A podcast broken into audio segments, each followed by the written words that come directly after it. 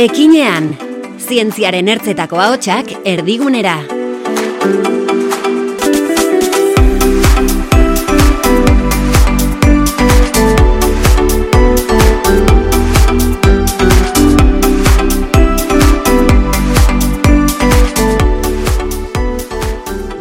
Kaixo eta ongi etorri ekinean podcastaren atal berri honetara.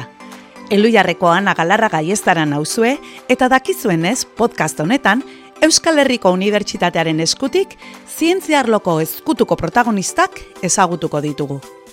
Gaurkoan matematikari bat gonbidatu dugu. Izan ere matematikek ospe txarra dute. Zaiak direla, abstraktuak direla, ez dutela ezertarako balio. Izen txarrorren zergatiaz galdetuko diogu gonbidatuari eta bere iritzia ere ezagutuko dugu erreferentez eta genero arrakalaz ere hitz egingo dugu. Ongi etorri, Amaia Iparragirre letamendia.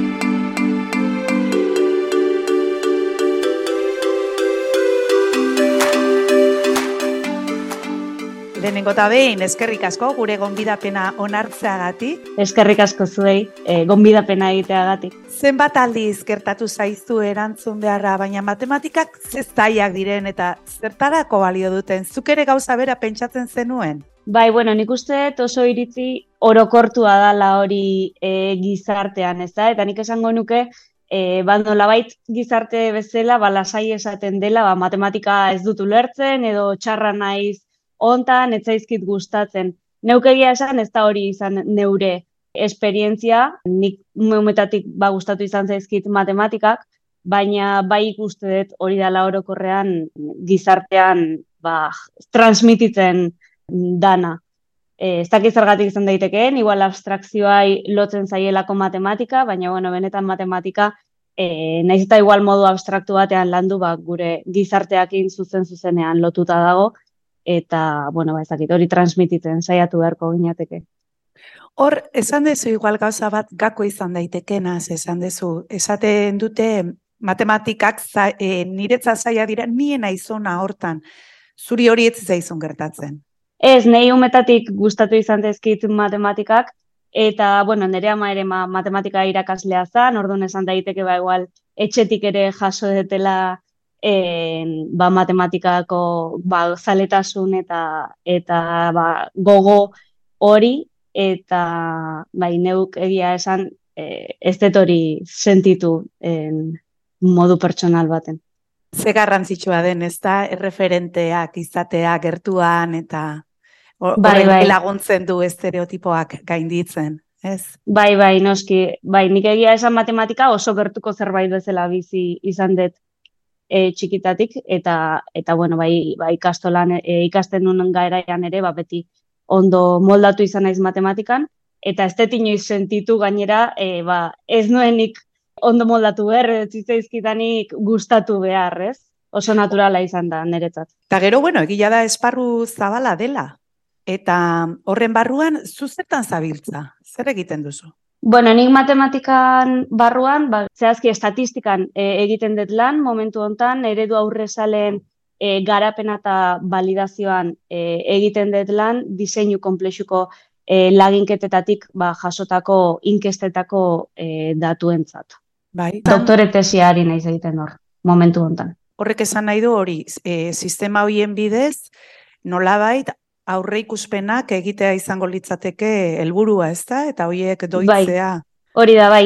Eredu aurrezalea gaur egun gizartean, ba, e, asko erabiltzen dien eredu mota bat da. Eredu aurrezalen helburua da behatutako datuetan oinarrituta etorkizunean zer gertatuko dan en, ba, aurre ikustea edo edo jakitea.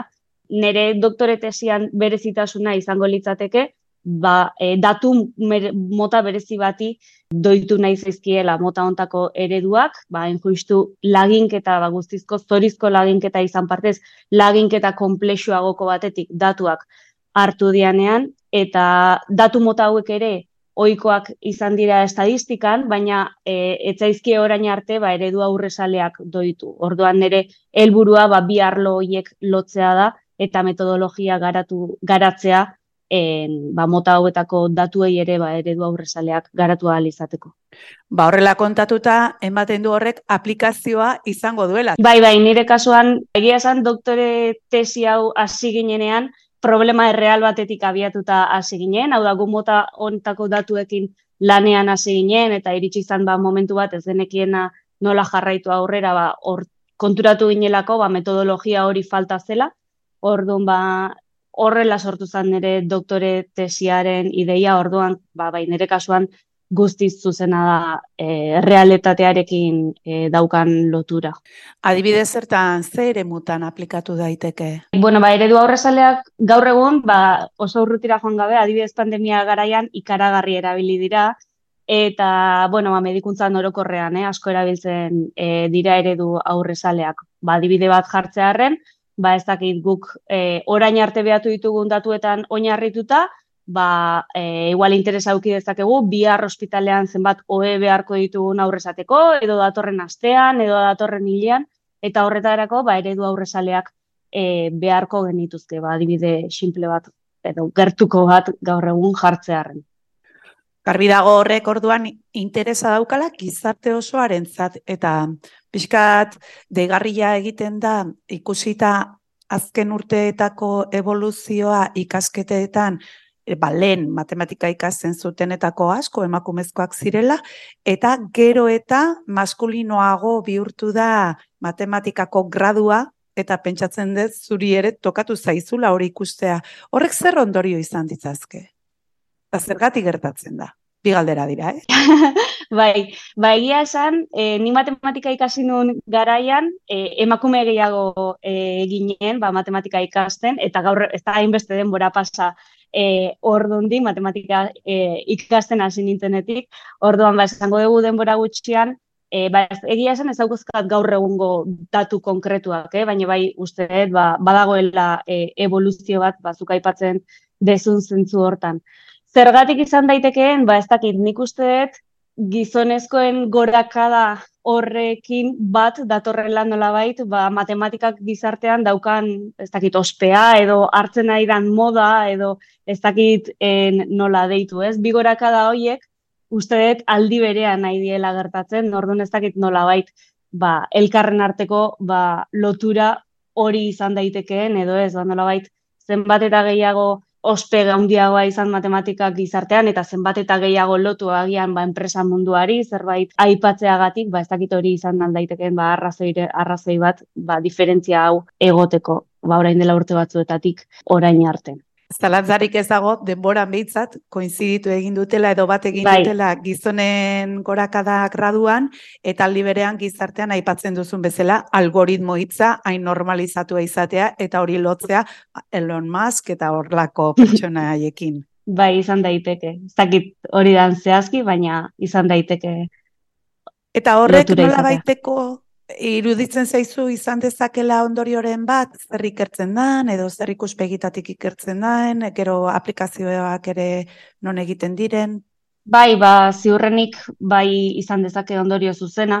Ba, azkenean emakume gutxiago baldin badago ikerketa munduan ere, ba, igual ikertzea interesatzen dan gai hoiek ere, ba, ba igual beste mota batekoak e, izan daitezke, bai izan dezake hor e, ondorioa horrek, bai noski kalterako justu gizartean nik uste gure helburua momentu hontan beste bat dela eta eta aigea aigea lasaiatzen ba nolabait teko berdintza bat ba egoteko gizon eta emakumeen artean eta hemen ba badirudik ba kontrako efektu hori ari gehala ikusten. Ez da konpontzen erraza izango, eta ez dizut jarriko zuri ardura, desde luego, ba, esaten duzun berdintasun hori zeuk lortzeko, baina zure eskubalego zerbait aldatzea, zer uste duzu egin daitekela? Ba, ez dakit nahikoa da, baina nire ustez bai da oso beharrezkoa erreferenteak e, izatea. Nik erreferente asko izan ditut e, ba, bai matematika ikasterako garaian, bai ikertzaile e, moduan, bai nire bitesi zuzendariak ba, emakumeak dira, eta orokorrean ba, estatu mailako beste jende ba, askorekin elkartzen garenean ere, esan dezaket, ni oso emakume giro baten e, ari naizela azten baita ikertzaile bezala ere, eta ba, emakume hauek guztiak ba, niretzat referenteak dira. Orden nik uste dut, eta nik beharrezkoak sentitzen dut e, emakume referenteak izatea baita neuretzat ere, orduan uste dut gizarterako ere garrantzitsua dela ahotsa ematea ba horrelako perfilei. Baziur nago zu ere bazarela, referente zure ikasleentzat eta atzetik etor daitezkenentzat, eta beraz, ba, eskerrik asko, egurekin izateagatik eta nahi duzun arte. Ba, eskerrik asko zuei. Eta eskerrik asko zuri ere, entzule hori, amaia iparragirre letamendia eta bion arteko solasaldia jarraitzeagatik. Datorren hilean, ekinean dabilen beste ikertzaile bat ezagutuko dugu hemen ekinean podcastean. Bitartean, ondo bizi. Ekinean, Euskal Herriko Unibertsitatearen ikerkuntza gizartean zabaltzeko zuzendaritzak, zientzia eta gizarte garapenaren eta transferentziaren arloko errektore ordetza eta eluiarrek ekoitzitako podcasta.